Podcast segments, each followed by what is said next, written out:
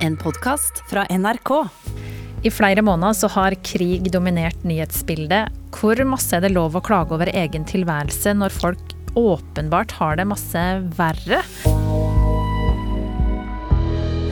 Det er et av dilemmaene som gjengen her i Etikketaten skal få diskutere i dag. Og det her veit jeg at eh, Ken André Ottesen har eh, meninga om, mannen som står bak BA-desken på Instagram, og som får oss til å le, vil jeg si, uansett hvor bekmørke disse avisforsidene er. Og så har vi med ei som produserer avisforsider, som redaktør i Suldalsposten, også kjent som Twitter-dronninga fra Ryfylke. Og så, eh, for å forstå mer av oss sjøl og effekten av både det her dystre nyhetsbildet og vårt behov for å klage, så har vi med psykolog Osman Chaudhry, som tilbyr eh, lågterskelhjelp for folk som trenger noen å prate med i Groruddalen i Oslo. Og det skal også få lov til å gi råd til en som sitter på informasjon som han egentlig ikke skal sitte på, om en leder som ikke følger spillereglene. Ken André, er du en konfliktsky type, eller er du en som sier fra til folk når du syns det går litt uh, over streken? Uh, helt klart konfliktsky. Oh, ja. Uh, ja nesten sjukelig konfliktsky, vil jeg, vil jeg si. Uh, vi er veldig opptatt av at det skal være god stemning, ingen skal være sinte på hverandre. Uh, ja. Det er litt rart å tenke på at jeg har vært sjef i media i så mange år, og at jeg er så konfliktsky, men uh, nei, nei, ja. Det definitive svaret på spørsmålet er ja. Jeg vil ikke ha konflikt. Nei, men du har jo, ja, sittet ganske høyt opp i VG-bygget der. Mm. Må du ikke da ta noen konflikter, eller hvordan løser du det? Uh, altså jeg, jeg, tror jeg aldri har gått rundt og sagt 'hør her, jeg er sjef, jeg bestemmer dette her'. Uh, men jeg har uh, til, Jeg tror kanskje jeg tilegna meg en sånn der lederstil der jeg kunne si sånn 'vet du hva, kanskje, jeg tror kanskje vi skal gjøre det sånn'. Og så skjønte alle at det var egentlig 'hold kjeft, sånn gjør vi det'. har du samme taktikk, Ester, som redaktør, eller? Ja, jeg kjenner meg nok litt igjen i den der Jeg har ikke noe behov for å liksom slå i bordet så flisene fyker, eller være veldig sånn Men jeg er nok forholdsvis tydelig i kroppsspråk og ansikt, ikke minst. eh, og jeg deler meg sjøl sånn La oss uh, snakke sivilisert. Men altså, saksmessig på jobb Fælt å si jeg elsker konflikt, det er ikke sånn, men altså Jeg tror jo konflikt saksmessig er en motor som driver verden framover. Mm. Men mm. på heimebane, da? Mm. Tar du konflikter liksom på butikken hvis noen er irriterende, f.eks., eller? Definitivt ikke. Jeg, jeg, er ikke redd for å si fra, men det, det er langt til den grensa. Mm. Jeg syns man må smile mer og ta ting mer med, med litt sånn smil, altså. Livet er jo så kort. Osman, kjefter du på folk, eller? Eh, nei, altså uh, som uh, psykolog da, så må man jo prøve å få folk til å forstå ting selv ellers i privatlivet så tror jeg som psykolog så blir man etter hvert sånn yrkesskadet, og man skal liksom se alles eh, eh, posisjon, og alle har eh, følelser, og alle liksom, Så da blir det litt sånn man skal romme veldig mye, og så kan det hende at man glemmer seg selv litt midt oppi dette her. Mm.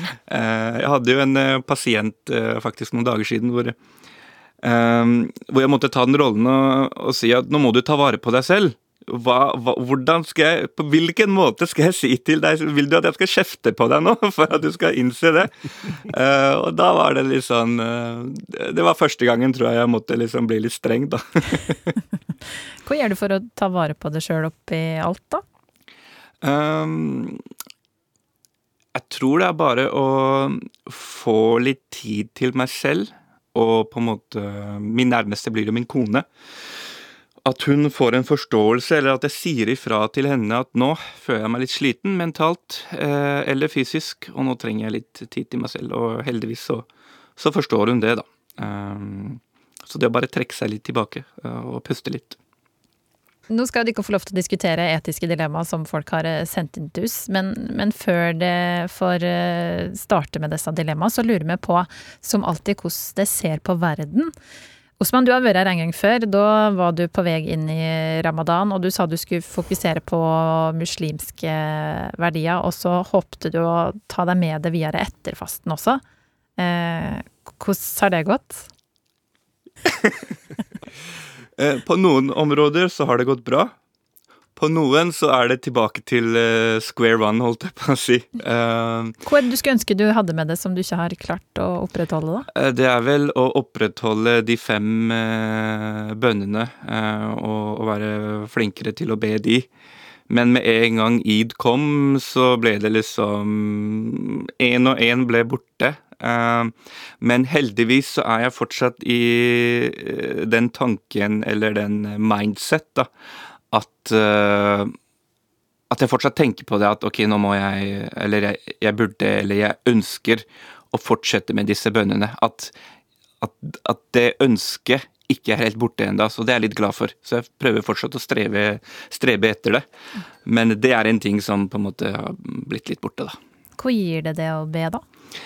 Det er vel det Det hjelper mot den avkoblingen, apropos. Um, uh, fordi det er ikke sånn at man må legge av ganske mye tid. Det er bare sånn snakk om fem minutter fem ganger i løpet av en hel dag, og disse fem minuttene ganger fem er jo fordelt over hele dagen, sånn at man på en måte Det er naturlige pauser da, for å koble litt av. Nesten litt sånn meditasjon, litt sånn mindfulness, om noen er uh, tilhenger av det. Um, så det er det det gir, egentlig litt sånn avkobling fra, fra hverdagen og hverdagens uh, oppgaver. Uh, og så det burde man egentlig bare blitt litt uh, flinkere til, om det er å be eller om det er å bare ta de fem minutter pusteøvelser. Ester, ber du en bønn? Å ja, det hender rett som det. Når skjer det, da? Hva du skal si, da? Flyt, litt sånn flytende samtale med Sånn over og ut. Ja, for du, du har trua? mm. Ja, har trua. Eller jeg tror det er rettere å si at trua har meg. Ja. Jeg tror det krever mer trua av meg å ikke true enn å gjøre det. Hva betyr trua for det, da? Det er en måte å se verden på. For meg er det ikke noe sånn Ikke noe skille mellom, eller gjensidig utelukkelse mellom vitenskap og rasjonalitet, som jeg liker veldig godt, og det å tro. Men det er bare det at det er for utrolig at alt dette er helt tilfeldig. Men kaller du det da kristen, eller? Ja, det kan jeg. Ja. Mm. Men altså, det er jo noe med disse her merkelappene, da, som jeg jo ikke er så veldig glad i. Fordi at eh, det blir Du mister litt sånn kontroll over hva det er. Så jeg liker kanskje bedre å bare ikke komme springende med noe skilt.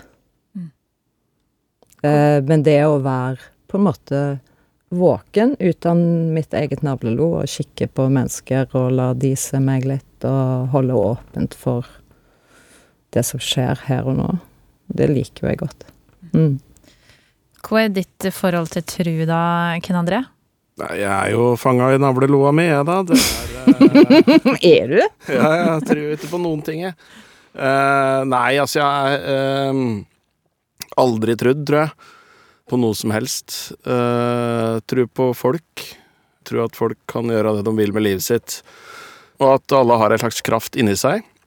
Men det er jo Jeg, jeg ble minna på her i dag, faktisk, for i dag fikk jeg en sånn Facebook-notifikasjon om at jeg skal holde gjestepreken i Røyfoss kirke. Se der. Eh, om eh, to uker. Røyfoss kirke er jo Det er jo der jeg møter opp når folk eh, døpes og konfirmeres og gifter seg og dør. Eh, og det er det forholdet jeg har til det. Eh, men, men preken? Ja. Ja, eller Altså, jeg, eh, jeg, har eh, en liten sånn mission om dagen, og det er å uh, hjelpe til å redde min gamle fotballklubb, Raufoss Fotball, som jeg spilte i til jeg var 17-18 år, og før jeg flytta fra Toten. Og de sliter veldig økonomisk om dagen, så jeg har tatt initiativ til en sånn stor dugnad-innsamling til Raufoss. Så jeg satte av ei uke der jeg skal jobbe for Raufoss og ta på meg oppdrag. Jeg reiser rundt i Norge til vanlig og underholder på scener og sånn, men da denne uka her skal gå, alle inntekta gå til Raufoss, eh, og da spurte eh, Raufoss kirke om jeg kunne da ta en gjestepreken mot kollekten. Så nå får jeg endelig vite om er det Kaster folk knapper og glansbilder i den kollekten eller er det faktisk eh, penger? Så går alle penga til Raufoss, da. Ja, men det er veldig fint. Da det en reklame for å dukke opp på gudstjeneste i Raufoss kirke. ja, det høres rart ut å reklamere for det, men ja, jo, jo, definitivt. ja.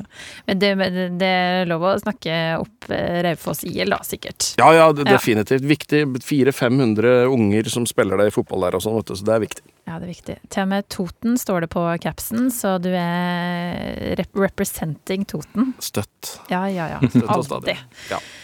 Nå skal vi ta for oss første dilemma, og du som hører på, hvis du har et spørsmål som du vil ha Etikketaten sine tanker rundt, så må du gjerne sende til oss på e-post. Adressa det er altså etikketaten krøllalfa nrk.no. Redaktør Ester Moe, psykolog Osman Chaudhry og VG-journalist og avishumorist. Kan vi si det, Ken? Ja, det må være lov, det. Ja, Ken André Ottesen er det altså som sitter rundt bordet i Etikketaten i dag. Og nå så skal det handle om eh, klaging. I flere måneder så har eh, krig dominert eh, nyhetsbildet. Før kunne vi besøke Ukraina og Kyiv når vi ville ha en eh, trivelig helgetur. Mens nå så ser vi apokalyptiske bilder av utbomba hus. Vi hører om folk som mangler mat, ikke ser dagslys i bomberom, og de som har mista familien sin. Og alt det her kommer inn i stugu vår samtidig som hverdagen ruller av gårde her på berget. Kan vi da med det dystre nyhetsbildet som bakteppe klage over at det snør i mai, at brødskiva er tørr og at de nye skoa gir eh, gnagsår på venstre hæl? Ken André, eh, hvor, hvor masse er det løv å klage over egen tilværelse når folk helt åpenbart har det mye verre enn oss? Det er veldig lov å klage over egen tilværelse uansett, eh, fordi hvis du hele tida skal sette din egen situasjon opp mot en annen situasjon i verden altså det, er, det er støtt noen som sulter, det er støtt noen som dør, det er støtt krig en, en eller annen plass. Og vil jeg si, da kan vi ikke klage på noen ting. Eh, Det er kanskje små problemer vi har i Norge, men det er våre problemer. Det er de problemene vi har. Eh, og det må vi få lov til å syte og klage litt på. Men det er klart at jeg, har jo, jeg kjører jo en sånn bitte liten kampanje på BA-desken mot Eh, altså, jeg, jeg har en sånn uh, greie der jeg kjører bilder fra fæle ting som skjer i verden. Mer sånn uh, syriske tilstander, ukrainske tilstander, og så norske tilstander. Og så er det gjerne en eller annen som klager Altså nå i Bærum så klager de på at det er ei blå dør som irriterer folk i nabolaget, da, for den estetisk sett ikke passer inn i nabolaget. Det skal jo ikke være blå farge på ei dør. Og i det store og hele så er jo det et mikroproblem, men jeg syns det er jo lov å klage på det. Men hvis du skal gjøre det, så syns jeg bare at du skal ha et perspektiv bak i huet ditt på at eh, det er faktisk andre som har det verre. Du har vunnet livets lotteri, du er født og oppvokst og bor i Norge, eh, så tenk på det. Men klag, men tenk på det. Er det det som er formålet med denne Instagram-postene? Sette ting i perspektiv? Ja, BAD-esken er til 98% kun moro. Eh, Men er, for meg så blir humor litt tomt hvis det ikke er noen ting i bånn. Hvis det ikke er noe moral eller pekefinger eller noe sånt i bånn, så blir humor litt tomt. Så min pekefinger i bånn, eh, foruten å framsnakke lokalaviser og lokaldemokrati og helt vanlige folk, er jo eh, at vi skal være fryktelig glad for at vi bor i et land der journalister eh, har tid til å skrive saker om at en fyr fant en potet som ligner på Richard Nixon. Altså det er liksom vi må, Det er et kvalitetsstempel på Norge som vi aldri må glemme. Ester, hvor eh, setter du grensa for hva som er greit når det gjelder klaging? Altså, jeg er veldig enig med Ken André at altså, det må være lov å klage sin nød i livet sitt, uansett hvor en bor, og uansett hva en har i, i årsinntekt. Fordi det er jo ikke alltid korresponderende med hvordan livet egentlig kjennes ut og er. Men så er det jo eh, dette med hva er klagen godt for? Altså, du har lov å klage, men ok, så kan du si Hjelper det alltid? Altså ja, det hjelper jo åpenbart å, å få sunget ut og, og grått og få trøst. Men en merker jo kanskje på den der med at ok, når tid er det at du har fått liksom letta trykket, og går fra det til å på en måte bare kose med misnøyen. For at kos med misnøye, det har ikke jeg så veldig mye tålmodighet med. Hvor kan Og- det være, eksempel? Kosing med misnøye? Jeg vet ikke, men jeg, jeg tror av og til at det er litt sånn mental onani å sitte og på en måte gnukke på ting som man jo kanskje kan gjøre noe med, men unnlate fordi det er egentlig kjekkere å snakke om hvor kjipt det er, enn å ta grep og brette opp. Så jeg, jeg skiller nok litt på hva klaginga går i. Jeg husker, jeg tror en, en av ungene mine når de var små, sier jeg prøvde meg på en sånn Å ja, har vi et lite ilandsproblem? Åpna jeg liksom klagesangen. Og der han sier OK, jeg bor faktisk i et iland. Betyr det at jeg aldri skal kunne klage? Ja. Og det, det er sant. Men det er forskjell på klaging. Og hvis det er lov å klage, så er det også lov å klage på klaging. Hvordan sier du, Osman, om den her effekten klaging har? Altså sånn negativt gnål, som vi er litt inne på nå, det, det får være grenser på hvor mye man klager. Eh, altså hvis det blir en sånn type La oss si på arbeidsplassen, da. Hvis det blir en sånn type At man skal klage for klagingens skyld, det kan jo skape litt dårlig atmosfære også. Eh, kanskje vi nordmenn er litt flinke til, til å klage på ting. Altså, det er en kaffemaskin på arbeidsplassen som alltid bruker veldig lang tid på å trakte kaffen. Eller med en gang folk tar for mye plass, så går man liksom imot janteloven, og det er liksom um, Men tror du den her samtalen rundt kaffeautomaten der folk sier åh, den er nå så treig, den her bråker nå, tror du liksom den samtalen har noe effekt, eller er det destruktivt? Det kan være litt destruktivt. Hvis det er det som kjennetegner den uh, småpraten uh, på arbeidsplassen eller i andre settinger, så kan jo det være litt destruktivt. At man aldri liksom klarer å få inn noen positive impulser. Um, men jeg er helt enig i det som blir sagt hittil. Det må være lov å klage, fordi vår, min virkelighet er annerledes enn din virkelighet. Så hvis jeg er trist for noe, eller hvis jeg klager på noe, så um, er det fordi det føles som riktig for meg, eller fordi det føles som sårt for meg, eller lignende. Um, og som vi var inne på litt tidligere nå, at krig og uh, hva skal jeg si, livstruende utfordringer er jo dessverre alltid et bilde et, Hva skal jeg si et bilde på verdenssamfunnet. Um, så hvis man da på en måte hele tiden skal ha sånn samvittighet, dårlig samvittighet for klaging, for at man ikke skal si noe osv., fordi det er alltid noen som har det litt verre. Litt sånn den frasen som man kanskje hørte i barndommen, at 'tenk på barna i Afrika'. Mm. Det, blir litt, eh, det blir litt feil. Men det får være en balanse, eh, og man får være litt obs, tenker jeg på å få inn litt positive impulser også, eh, sånn at eh, det blir en, en, en sunn hva skal jeg si, atmosfære, sunne omgivelser. Eh, om det er arbeidsplassen, eller om det er med venner, i vennegjengen eller familien rundt middagsbordet, eller hva det nå enn er. Jeg har et sånn lite triks for å takle klagere. For jeg er veldig enig med Ester, som sier at det er liksom forskjell på klaging og sånn jevn syting. Mm. Og er, vi har jo en del folk som går rundt og mener at alt var bedre før. Uh, og, og, og, og, alt var bedre før, liksom.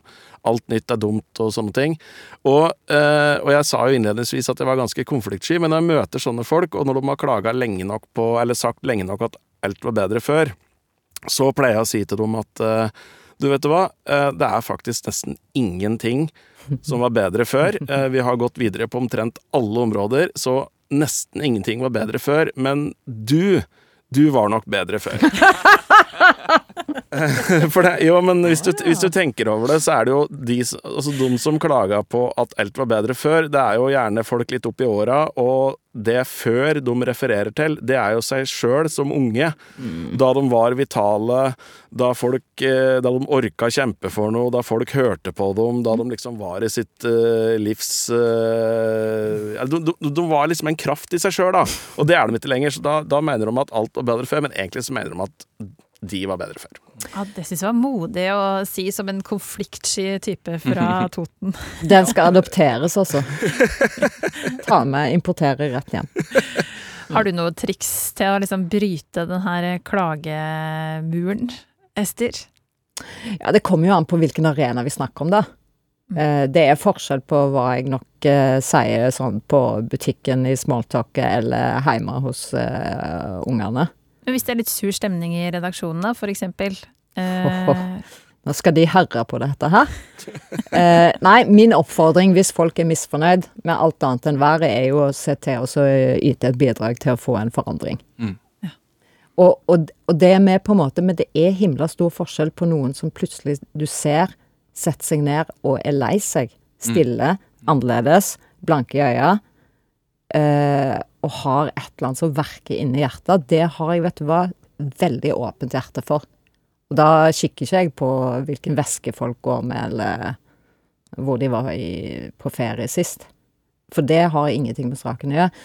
Men, og det der jevne sagbruket av sånn Hva kan vi få pistre over i dag?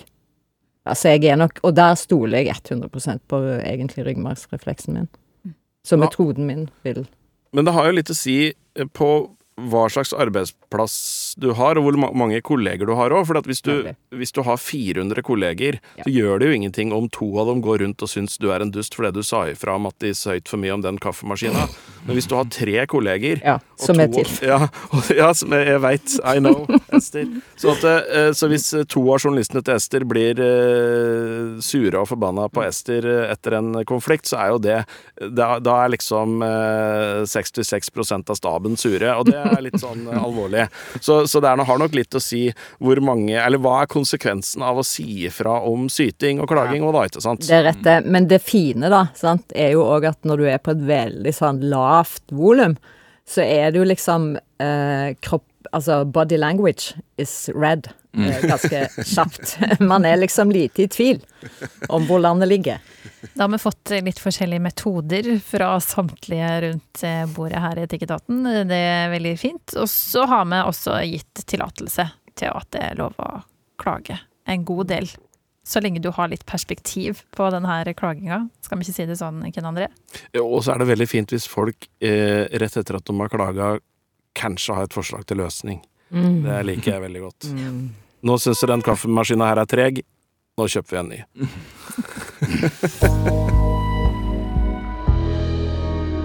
Nå skal moralen deres virkelig bli satt på prøve. Vi skal inn i lokalmaktens korridorer. Så der Ja, ja, ja, det elsker du, Esimo. Der har du banka mye. Vil jeg tro. I kommunehuset. Å, du verden. Ja. Mitt andre hjem. ja.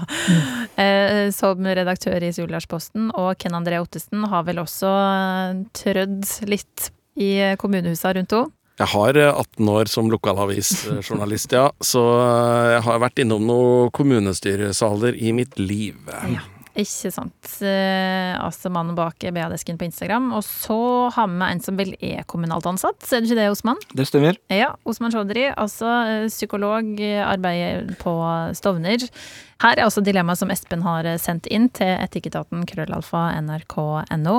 Og Herman Haldes det litt, eh, litt fast. Eh, Vi har en betent politisk konflikt i vår kommune. Kort fortalt handler det om ei omstridt byggesak som skal ut på høyring, sånn at alle parter får sagt sitt før noe blir vedtatt. I byggesaka finnes det tre alternative forslag, og ordføreren har en klar favoritt. Nå har ordføreren sendt en e-post til folka i partiet sitt for å prøve å få nappa ut et av de tre forslagene før høring, for å hindre at det alternativet blir valgt.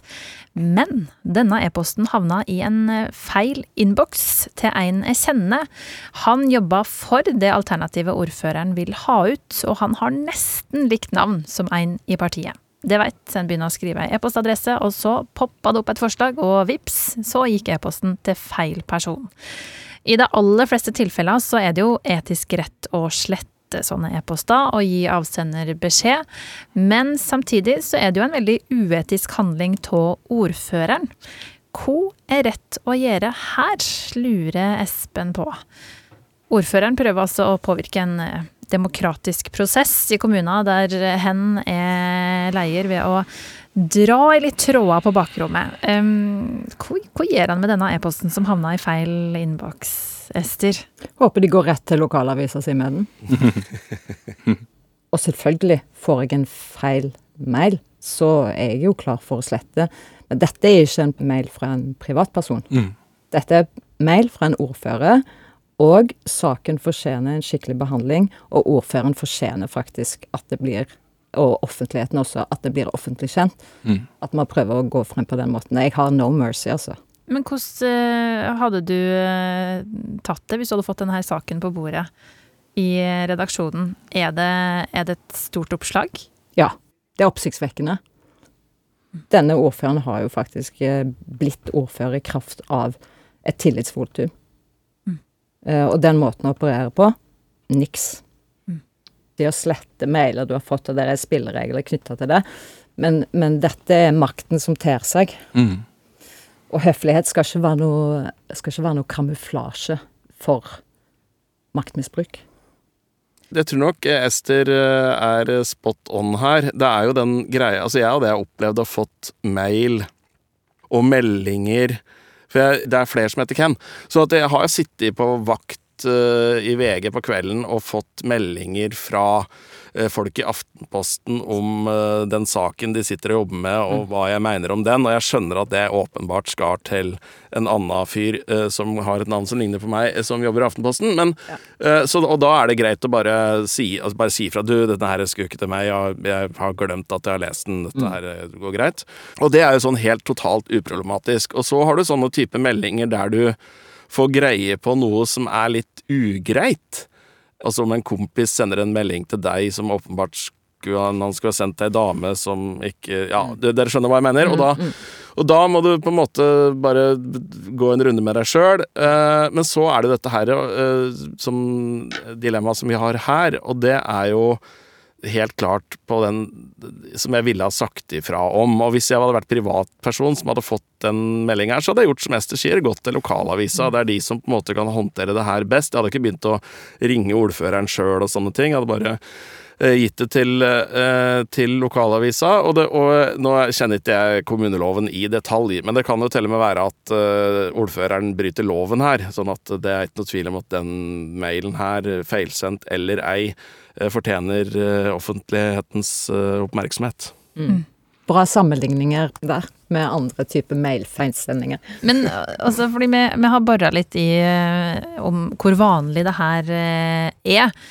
At det skjer litt uetiske handlinger i, i kommunen. Og da um, har Ipsos utført ganske nylig en spørreundersøkelse på vegne av KS, som er kommunesektoren sin organisasjon. Og der fant ut at eh, ni av ti ordførere og ledere i kommunene ser på korrupsjon som et lite problem, men nesten 70% sier at de har behandla saker knytta til etikk og korrupsjon i denne kommunestyreperioden. Byggsaker mest utsatt for korrupsjon. Så det er ikke så uvanlig det her, Ester. Er det også ditt inntrykk, du som sitter og passer på makta? Korrupsjon er et veldig vanskelig og farlig og stort ord, sant. Men når du har små forhold, som du stort sett har i Norges land, fordi at uh, her er jo grender overalt, og søskenbarn, og vi er tette på hverandre, og folk har, har flere hatter på huene, så er det jo klart at uh, det med å på en måte holde tunga beint i munnen, det er en kunst som er nok vanskeligere i, i, på små steder. Altså Når jeg hører ordet korrupsjon, så ser jeg for meg noen sånne skumle karer på et mm. hotellrom med en eh, koffert full av penger, Mm. og så uh, får de ordna noe greier, sant? Det er sånn mafiavirksomhet. ja. Mm. det er nok en del ting som liksom detter inn under begrepet korrupsjon i Norge, men jeg tror det er veldig lite sånn eh, konvolutter med penger som skifter hender. Det er mer sånn at eh, Altså, vi har jo kommuner i Norge med, med under 1000 innbyggere, og det er klart at eh, alle kjenner alle. Mm. Og, og, og du, har, du har relasjoner til alle, og du, unga dine eh, spiller fotball med unga til vedkommende, og, du, og av og til så vil du kanskje bare være litt grei, da. Eller liksom Ja, men dette her fikser vi, Ja. sant. Eh, Det er ikke noe stress. Dette her Ja ja, det er, vi- fikser dette her, og så ses vi på grilling på lørdag, Ja, liksom. korrupsjon på norsk er en annen affære enn på eh, colombiansk, liksom. Ja. Eh, Men Osman, er det, er det en fare for at eh, det moralske kompasset blir endra når du får makt? Jeg veit ikke om moralske kompasset blir endret, men den har en øh, større tendens til å kanskje la seg friste tror jeg, til å bli endret. I hvert fall at man må være veldig obs eh, seg selv, sine handlinger, eh, sammenlignet med i, i privat sammenheng, da. Og hvor, eh, la oss si at et eller annet skjer, så har man da mulighet til å si unnskyld og, og skvære opp, men eh, skjer det i offentlig eh, rolle eller i maktposisjon, så er det litt mer eh, Da, da må man nesten forvente seg at eh, det vil være konsekvenser. Eh, mm. Ja, for problemet her er jo ikke at man er så nødvendigvis moralsk forderva. Men med makt så følger eh, en posisjon, en taburett, og man forvalter noe. Mm. Sant? Og det, det er jo det som er problemet, at det har konsekvenser Mm. eh, for de du ødelegger på en måte det som skal være retten. Ja. Altså du flytter i køen og ordner rundt fordi du har eh, fordi du ikke er betenksom nok. Det er jo ikke fordi at du er så utspekulert og grådig eller moralsk forkastelig som person, men det er jo at du når du, når du har makt og, og har en posisjon, så har du mulighet til å liksom trikse litt rundt. Og det har konsekvenser for vanlige folk, for å få brukt det ordet her òg i dag. Men handler ikke det om moral, da?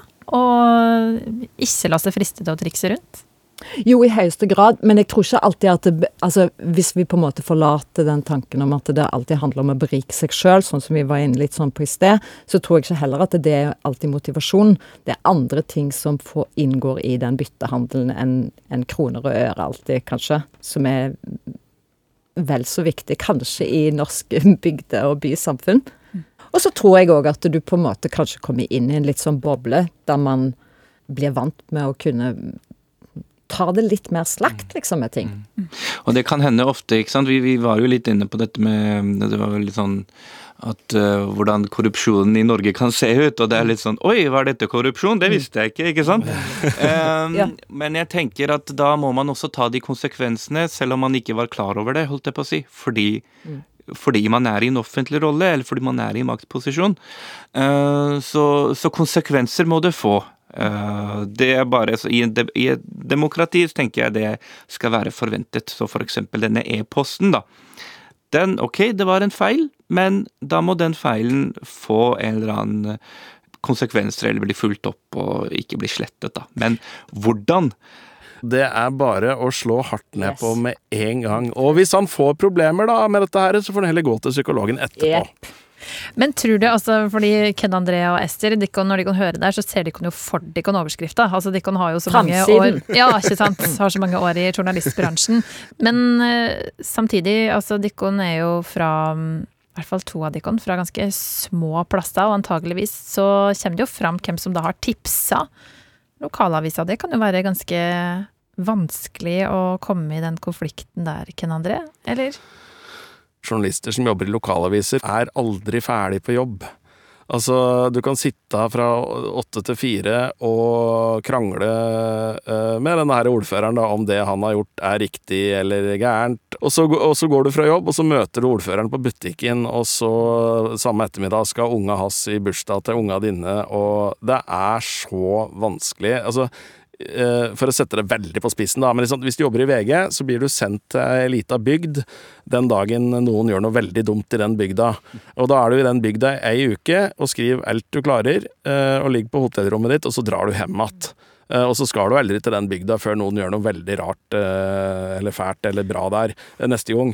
Eh, Men den virkeligheten er en helt annen for lokalavisjournalister, og derfor så har jeg djup, djup respekt eh, for den jobben de gjør, og det er faktisk en jobb du må gjøre. Og det er liksom det du tar på deg når du blir lokalavisjournalist, og da du gir fra deg fritida di òg.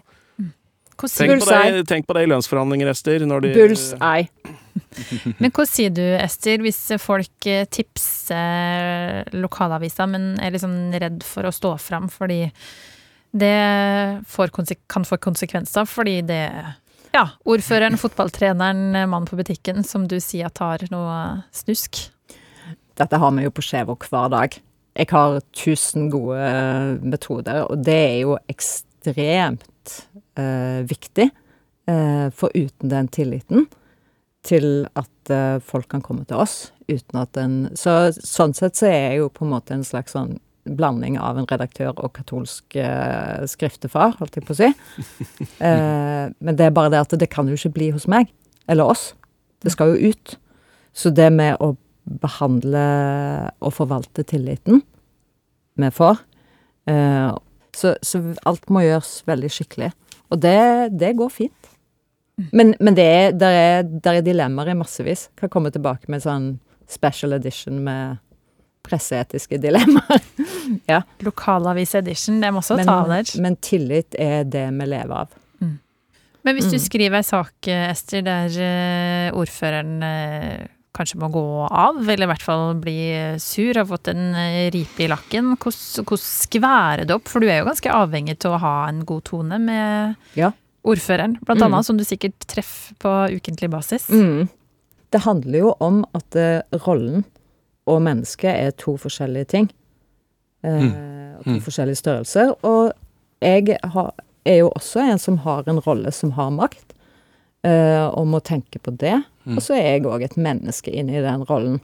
Men jeg tar jo for gitt at alle som på en måte sitter med makt, eh, må ha gjennomtenkt før de kommer på banen mm. hvilke konsekvenser det har. Eh, og min, min løsning er bare å skille sak og person, og det går helt fint. Det er ingen Men må du da liksom Har, har du måttet sagt til noen folk sånn Du, det her må vi legge. Hvis du Ja ja, og ja da. Og ja da. Jeg liker å ta tyren ved horna. Jeg, altså hvis jeg har en hunch på at det er liksom følelser involvert og sånn, så liker jeg å, å bare skvære opp. Og, og vet Hva du hva? sier du da? Ja, det, kan, det kan variere. Jeg har sagt til folk at eh, jeg lurer på om du er sint på meg. Eh, skal vi ta en prat? Vi lufter ut? Men, men på en måte så tenker jeg at uh, det, Du dør ikke av at noen er sint på deg. Det er ikke farlig. Ja, ja, det spørs hvor sint de er, da. Ja, ja, ja, ja, ja, men i Suldal så er det Jo, men jeg sier det fordi at folk er Det der med at noen skulle være sint på en, det er vi ganske litt sånn Det er det mange som er redd for. Eh, Det at folk er sint på deg, det er jo Et godt tegn. Ja, et godt tegn, og det er jo det helt vanlige. Ja. Altså, altså hvis du jobber i f.eks. VG, da, så, så, så er, Hver telefon du tar, er til mennesker som håper at VG ikke skal ringe. Aldri ringe. Nei, ja, men det er riktig, det. Det er riktig, det. Og, og vi, vi er jo vant til å få kjeft og eder og galle. Og sinnet går over, gjør det ikke det, Osman? Det går over, absolutt. Ja, Da får vi se da om det kommer et eh, stort avisoppslag i nær framtid etter å ha hørt eh, eh, diskusjon. Eh, Vi skal videre til Vi skal egentlig forlate det her lokalmaktas korridorer, og så skal vi over til vår hellige gral. Oi. Nå skal egentlig Dikkon miste all makt i dette rom, fordi nå er det Den hellige gral som skal bestemme hva vi skal snakke om. Det er altså faktisk en fysisk eh, gral, bronsefarga skål med stett og greier, og masse lapper oppi med spørsmål som skal bore i eh, hvem det er og verdiene deres. Og gjengen som sitter her med meg i Etikketaten i dag, det er altså Ken André Ottesen, som har 346 000 følgere på Instagram. Som BA-desken. Ja, det er imponerende. Og får oss til å le med og av lokalavisene her til lands, eh, blant annet Suldalsposten, eller? Har det vært noe oppslag der? Vet du eh, hva? Jeg, jeg må jo bare si da, sant, at eh, jeg Det som er magien din, eh, Ken André, er jo at du er morsom uten å være slem, men med tenner. Tusen takk. Og vi sier jo til hverandre av og til når vi ser på titler og sånn Å nei, nei, nei, nei, nei, nei, nei, nei. Noe må gjøres. BR-desken kan være over oss før vi veit det. Men hvis vi ramler utpå og blir liksom Kom i klørne til BR-desken, så elsker vi jo det òg. Det er jo bare sånn Det er veldig godt å høre. Vet det er godt hva? å høre. Ja, det er meninga er- herfra, i hvert fall. Vi kjenner at du ser på oss med et kjærlig blikk. Yes. Ja, men det er godt. Man tukter de man elsker. Det er helt sant. Den beste tukt. Og så har vi Osman Chaudhry, som er psykolog. Jeg tenkte du skulle få lov til å trekke lapp i dag, jeg. Osman. Ja, ok. Skal vi se, skal vi se. Uh, ja. Her står det 'Har du hatt en åndelig opplevelse'?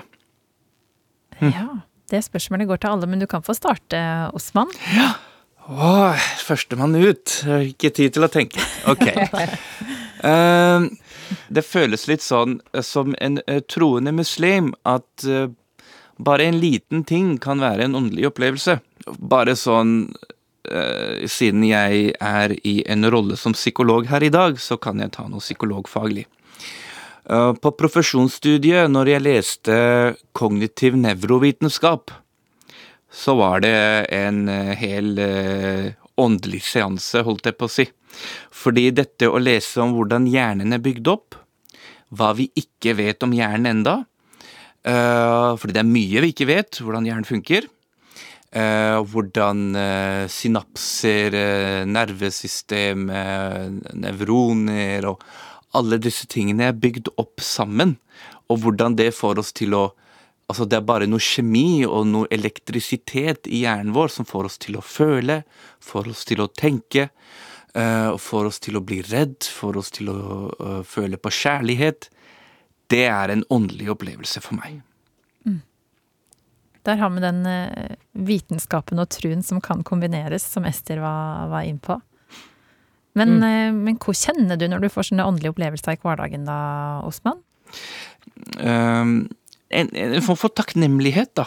For den, den jeg er, og den, den, uh, den jobben jeg får gjøre, og, uh, og en sånn En beundring uh, av eh, på en måte hele den, hvordan verden er satt opp, og hvordan mennesker er satt opp, osv. Mm. Ken André, har du hatt en sånn konkret åndelig opplevelse? Ikke sett noe brennende tornebusker og hørt eh, stemmer fra oven. eh. Altså, for meg så er sånn åndelig eh, Åndelig øyeblikk kan være å få en lattersalve fra liksom 1500 personer på en scene. Det, å, det å liksom lykkes med et eller annet som betyr mye for deg, det er eh, Det kan være en åndelig opplevelse for meg. Uh, men det er jo Men som den hedonisten jeg er, så er det jo Det handler jo om meg, da. Altså, altså Når jeg har åndelige øyeblikk, så handler det jo stort sett om at jeg føler uh, en slags intens lykke der og da. At det da blir mitt åndelige øyeblikk, ja. Er det noen gang at denne latteren fra salen har betydd ekstra masse? Eh, nei, altså, jeg pleier å si at jeg har liksom uh, sklidd igjennom livet med minimal friksjon. Uh, og det er litt sånn uvanlig, og jeg ser psykologen er bekymra for inntektene sine nå, men, men uh, vi er flere enn skulle tro. For det, det er liksom utrolig populært, og det er fint at folk snakker om uh, at de har hatt kriser og, og at de sliter med ting og sånn, men vi er ganske mange som ikke sliter med noe òg. sånn, Stå fram i VG. ja. Hei, jeg sliter ikke med noe. Nei. Eh, blir årets hatobjekt. Eh, men eh, eh, nei, altså det er, jo, det er jo litt sært å gå på scenen og skal være morsom hvis du liksom eh, akkurat har gått igjennom et samlivsbrudd, eller du får beskjed om at det er sykdom i familien og sånn. Da er det jo, da er det jo litt rart, men du, men du, de i salen har jo ikke betalt for at du skal stå der og sippe eller være lei deg av andre grunner. Sånn at eh, da tar du bare på deg maske. Men det er klart, det gjør nok litt ekstra godt hvis den jobben går godt mot alle odds. Eh, så jeg har jo hatt noen sånne jobber der jeg der jeg har vært lei meg før jeg har gått på scenen, og så bare må du knipse og skli inn i rolla di og levere det folk har betalt for. Det, og det tror jeg alle artister gjør eh, med jevne mellomrom. Ester, hvordan er det med det? Har du hatt en åndelig opplevelse? Og heldig nå som fikk komme til slutt. Mm. Har du tenkt og tenkt og tenkt. Veldig fint å høre på dere. Jeg blir litt sånn Jeg tror jeg blir av og til litt sånn lei av hvordan vi snakker om det å tro i Norge. Altså Gud i Norge, liksom. Jeg syns av og til at det er litt sånn åh, det er så opplest og vedtatt, og så liksom sånn enkelt. Ja, nei. Altså, for meg er jo på en måte Alle mennesker er jo åndelige vesener. Det er jo en del av pakken vår åpenbart som gjør at vi blir, kan bli forelska, at vi kan inngå i dype vennskap, at vi kan ha wow-øyeblikk og gåsehud-opplevelse. jeg tror for meg så er det bare Jeg forbinder det med sånn øyeblikk av overskridelse. Enten du på en måte klarer å levere mot alle odds, eh, som jo er sjukt tilfredsstillende, eller du har virkelig slitt for noe, sant, og jobba og jobba og jobba, og kom i mål. Altså hvis du kunne skrive ut den følelsen på resept, sant. Men har du Eh. liksom fått en sånn skikkelig påminner om at jo, her er det Ja, Her fins det en guds. Ja, ja, ja. Eh, når jeg fødte mitt tredje barn eh, Det er litt sånn underkommunisert, tror jeg, hvor, hvor fantastisk det er eh, å gjennomgå en fødsel når det går bra. Og det gjør det jo heldigvis veldig ofte, og vi er veldig heldige. Men det at du er inne i et rom, og at kroppen tar fra deg all kontroll, og tar all kontroll, og kan alt Jeg husker jeg tenkte hvor er disse kreftene til vanlig? Wow, jeg har en boks inni meg, eller et eller annet inni meg, som bare jeg aldri før har sett eller vært i kontakt med, som bare kommer ut og er som en gigantisk, liksom, eh, power station. Og som sier nei, nei, nei, nå er det slutt med maskara og kontroll og hvordan Altså, her skal vi gi få ut et liv. Så er du inne i et rom sammen med en jordmor, og uten at døren har gått opp, så kommer det et nytt menneske ut. Og jeg husker jeg sa til jordmora Det var jo ganske sånn Ja, dere er en gud. Det bare datt ut av, av munnen min, og hun bare sa yes. Hun heter Joy. Jordmora mi heter Joy. Fantastisk. Dette er jo snart 14 år siden jeg gjorde sist. Eh, og graviditet, det er, altså, det er jo superkomplisert og fantastisk og helt sånn, du blir helt amazed. Men eh, å være gravid syns ikke jeg var så gøy. Men å ta en fødsel en gang til, det skulle jeg gjerne gjort. da. Men Da, da, jeg må bare si på vegne av alle menn, da, Ja. at eh, det, den eh, unnfangelsen kan òg være et åndelig øyeblikk. Det, jeg er med deg på det. Ja. Jeg vil gjerne også gi inn en kvinnelig stemme på det. Så det er, my er mye moro. Men litt, men litt mindre jobb. Ja ja. Nei, ja. Du, vil du bestride dette, Kenneth? Nei, nei, nei, nei, nei. Altså, altså, jeg er glad For- for du jobb- Jeg er veld, veldig glad jeg slipper å føde. Det, det er bare det, det skal sies. Men hva er liksom Hva er Gud sitt bidrag på den fødestugu? Så når, når vi snakker om Gud, jeg må bare si eh, da ser ikke, Det er ikke sånn ja, han sitter der i en gyngestol, liksom, med hvitt skjegg. Det er ikke det. Det er liksom Vi snakker designeren bak det hele. Altså hele Matrixen, liksom. Eh, og det er som sagt Jeg tror av rasjonelle grunner. Fordi jeg ikke Fordi det krever mer tro å tro at det er tilfeldig. At det er det fantastiske. Altså, fra de minste biller eh, og minste plankton, og hvordan alt henger sammen og er bare sånn.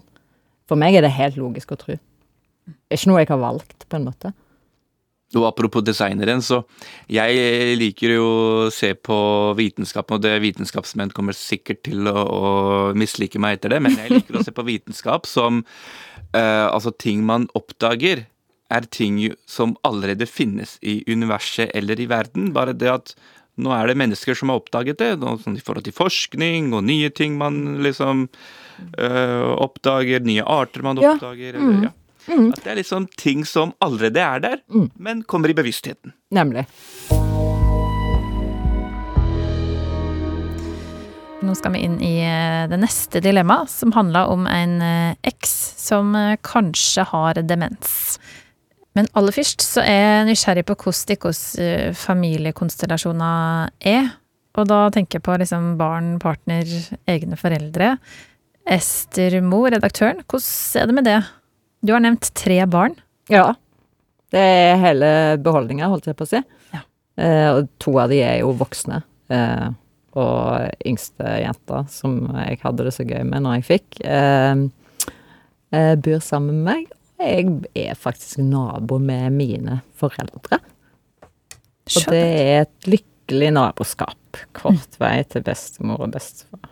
Mm. Så fint. Mm. Um, og psykologen Osman Chaudhry, vi har hørt at du bor med storfamilien. Det stemmer, jeg bor i sånn det man kaller for generasjonsbolig, så jeg bor jo med min eh, mamma og pappa. eh, og eh, min kone og min datter som snart blir ett år og fem måneder. Og jeg kan også si at mine søstre de bor også der fordi de er mer hos oss enn de er hos seg selv, holdt jeg på å si. Og ja, det er jo et fint eh, fellesskap, men eh, det kan eh, bli litt mye noen ganger også. Du får sende inn dilemma til etikketaten krølla på nrk.no, Osman. Kan hende at det trengs. Hvordan ser det med det, Ken André? Altså, jeg har en leilighet i Bergen og en leilighet i Oslo. For i Bergen så har jeg to barn eh, på 13 og 16, som jeg, jeg gikk sammen med mor. Og så har jeg en kjæreste som jeg snart blir samboer med i Oslo. Så en moderne, meget moderne Meget mann. moderne. Svært moderne mann. Ja. Ok. Um, sånn let altså dilemmaet som er sendt inn til US.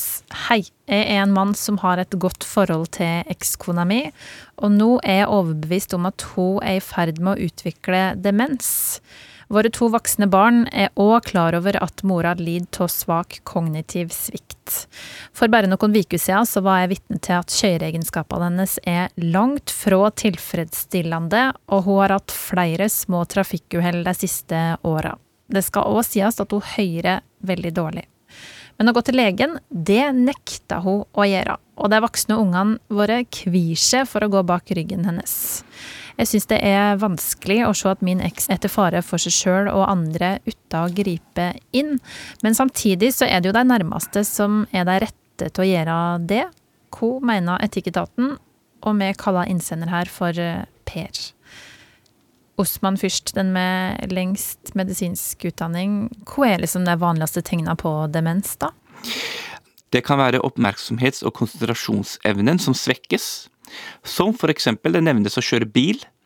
Det kan være vanskeligere å følge med i trafikken, fordi man ikke får med seg like mye eh, som før. Eh, at man ikke klarer å konsentrere seg like mye som før. Eh, det kan være problemer med språket, det kan være problemer med hukommelsen. Um, hvor var det jeg la denne nøkkelen? Eller eh, jeg er sikker på at jeg la den her, men den er ikke der. Uh, vanskeligheter med eh, daglige gjøremål. Alle disse tingene her, en hva skal jeg si, bieffekt av det kan være endring i personligheten. Eh, man kan få mer angst fordi man klarer ikke å forstå seg på alt dette som skjer. Man, man klarer ikke å sette ord på hva er som skjer med meg nå. Og jeg vil veldig gjerne anbefale en film, hvis, hvis, det, hvis det går her, eh, som fanger opp dette veldig, veldig fint. Og det er filmen The Father med Anthony Hopkins, hvor man på en måte er i skoa til hovedpersonen som begynner å få demens, og hvordan det oppleves. En fantastisk film hvor man kan lære mer om hvordan det faktisk oppleves å, å få en begynnende demens, og hvor, hvor trist det kan være for, eh, for vedkommende, men også hvor angstfylt og hvor usikkert en slik tilværelse kan være. Og hvor lang tid det tar fra at det begynner, fra at eh, nettverket rundt deg begynner å legge merke til at nå er det noe endring, til at man selv innser eh, at eh, jeg trenger hjelp. Fordi den veien kan være veldig lang. Ja, for det er ofte i den rekkefølga det skjer, at de rundt det begynner å ane at her er det noen utfordringer, og så merker en det sjøl. Som oftest. Ok. Ja. Mm. Mm. Men det har eh, vært en diskusjon ganske nylig i eh, Stortinget. Det har bestemt å droppe helsesjekk for eldre sjåfører, altså folk over 80 år. Men nå er det flere som jobber for at eh, det blir stoppa, det her stortingsvedtaket. Annet Nasjonalforeningen for folkehelsen og Statens vegvesen, fordi de mener at eh, det blir farligere i trafikken uten denne eh, testen. Eh, Stortinget vil derimot at testen skal brukes når en mistenker demens, og ikke bare fordi en person har nådd en viss alder. Men eh, hvordan kan en få noen til å ta den testen når de ikke sjøl ser at det er vanskelig, nei, er, er, farlig i trafikken? Ester? Nei, kjør på med, med test sånn på en alder. Det må jo være det aller enkleste. Fordi at dere som har eh, kompetanse på dette, altså vet vel at det er Man må påregne at noe skjer i hjernen. Er jeg ikke mer enn 53, altså. Eller, men, jo jo, boomeralder de luxe. Men, men det er jo klart. Eh, ting foregår jo oppi der. Det går jo ikke raskere å huske hva den skuespilleren i den filmen heter. Mm. Det er jo et helvete å drive og snakke om filmer. Det er jo serier, sant. De sitter og roter og roter og roter etter hva er det nå han heter, hvor var det han spilte? Men, men jeg tenker det med på en måte at uh, Altså, det der Det er jo hjerteskjærende å tenke på hvor mye redsel sant, som Mm. sikkert det må avstedkomme for den det gjelder. Det er jo bare Mm. å tenke på seg sjøl når man driver og leter etter bilnøkkelen Mm. Eh, en stund, sant, og så gange opp det. Mm. Eh, men, men jeg syns jo at det, det med trafikkfarlighet Mm. der vil jeg tenke at det er ikke noen menneskerettighet å kjøre bil.